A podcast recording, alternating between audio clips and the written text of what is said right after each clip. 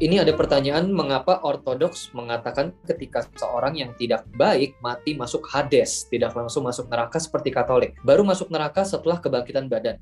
Demikian pula ortodoks mengatakan ketika seseorang yang baik mati masuk Firdaus, tidak langsung masuk surga seperti Katolik. Gimana itu, Mak? Ini pertanyaan menarik ini. Ya, ortodoks itu membedakan penamaan dua hal yang sebenarnya sama tapi juga sekaligus berbeda. Tapi itu hanya soal terminologi, substansinya sama. Terminologi di dalam gereja timur membedakan kebahagiaan abadi yang pertama dengan yang kedua. Juga kesengsaraan abadi yang pertama dan yang kedua. Apakah Katolik punya konsep yang sama? Persis sama. Kalau Anda paham rute orang mati menurut gereja Katolik, itu persis sama dengan ortodoks, tidak ada yang berbeda. Yang berbeda hanya soal terminologi alias istilah dan bukan substansinya. Gereja Katolik tidak menyebut pembedaan itu dengan nama yang berbeda. Istilahnya sama, tetapi substansinya memang berbeda. Saya beri penjelasan. Yang surga deh. Menurut gereja Katolik, ketika orang mati kemudian setia pada Tuhan diputuskan masuk surga.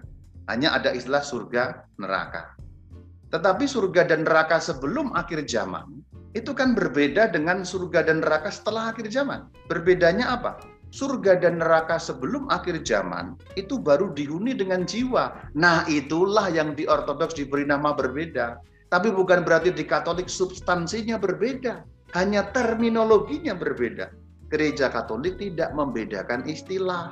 Yang sekarang mereka bahagia juga disebut surga, nanti setelah akhir zaman juga disebut surga. Tapi apakah itu dua hal yang sama ya? Sama tapi sekaligus beda. Samanya sama-sama kebahagiaan kekal. Bedanya yang sekarang baru dengan jiwa. Nanti setelah akhir zaman jiwa dan raga lengkap. Nah itu di ortodoks dinamai berbeda. Terminologi saudara. Dan kadang-kadang saya heran ada orang Katolik dan Ortodoks berdebat soal itu. Oh yang benar Ortodoks, yang benar Katolik. Itu hal yang sama hanya kita berdebat soal terminologi. Ini dinamai itu tidak. Kenapa gereja tidak menamai? Gereja Katolik maksudnya. Kenapa gereja Katolik tidak menamai berbeda? Karena menekankan kesinambungannya. Bahwa surga yang ini tuh bahagia juga sudah. Sudah full gitu. Hanya memang baru dengan jiwa. Itu yang ditekankan di gereja Katolik. Gereja Ortodoks menekankan perbedaannya karena gereja Katolik menekankan persamaannya yaitu kebahagiaan kekal yang sempurna. Meskipun kondisi orangnya jiwa dan jiwa raga berbeda maka disamakan dalam gereja Katolik. Karena menekankan kesinambungannya kesamaannya. Gereja ortodoks yang timur menekankan perbedaannya sebagai sesuatu yang bertingkat. Itu saudara. Jadi tidak usah berdebat dengan ortodoks. Orang imannya sama persis. LGBT apakah mereka melakukan dosa mortal? Nah, pertanyaannya aja nggak lengkap. LGBT itu apa? Gitu, ayo. Oke, okay. uh, eh, kalau seseorang LGBT lalu uh, melakukan hubungan badan dengan sesama jenis, ya itu mortal. Karena LGBT itu dua hal. LGBT sebagai kecenderungan dan LGBT sebagai aktual gitu, potensial dan aktual. LGBT yang mana yang Anda maksud? Kan ada dua Orang itu mencampur adukan selama ini LGBT yang mana bro? LGBT itu gereja sudah pinter membedakan. Ada orang LGBT tapi potensial. Dalam dirinya ada, tapi dia tetap hidup seperti seharusnya. Dia tidak gampangnya nggak ngeseks, nggak apa, nggak nggak hidup bersama, nggak kohabitasi, nggak kumpul kebo. Dia berusaha ya hidup seperti apa Tuhan mau. Tapi dia LGBT, senang sesama jenis tapi tidak aktual. Dia LGBT bukan LGBT, tapi tidak aktual. Nah ini yang bertanya sekaligus saya sudah memberi pencerahan baru. Kalau kita ngomong LGBT, kita ngomong homo, kita ngomong gay apa itu, nanti dulu. Apa yang Anda maksud? Nah, kalau aktual tadi itu ada keterangan berhubungan, nah itu lalu menjadi mortal tentu saja tuh. Itu kan nilainya sama dengan persinahan tadi itu. Begitu cara menalarnya ya. Jadi perbuatannya dialah yang bisa membuat dia berdosa mortal. Yes.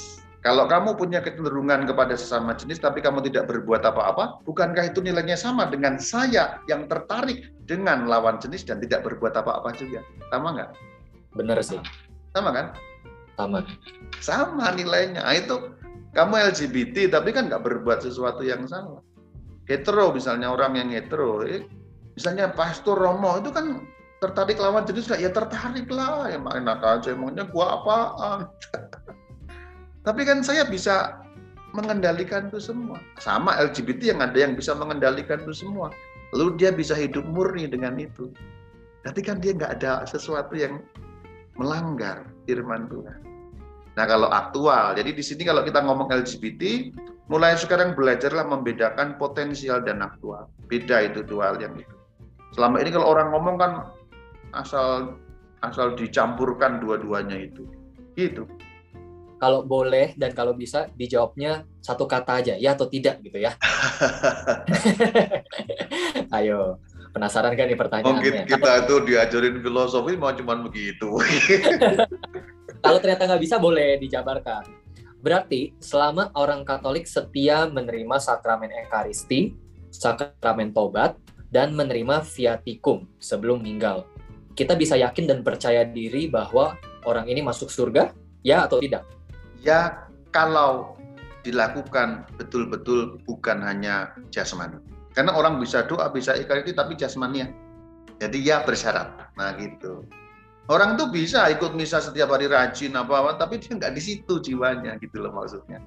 Kalau dia lakukan betul-betul memang dengan se, itu loh yang perintah Tuhan untuk mencintai Tuhan, sepenuh kekuatan jiwa, pikiran, nah semua itu. Kan orang bisa datang ke misa tanpa pikirannya, bisa pikirannya ke tempat lain kok. Sama kayak tadi Rama bilang, orang masuk ke confession room juga bisa ngaku dosa ya, padahal udah masuk ke confession room berhadapan oh, bisa, sama Oh bisa.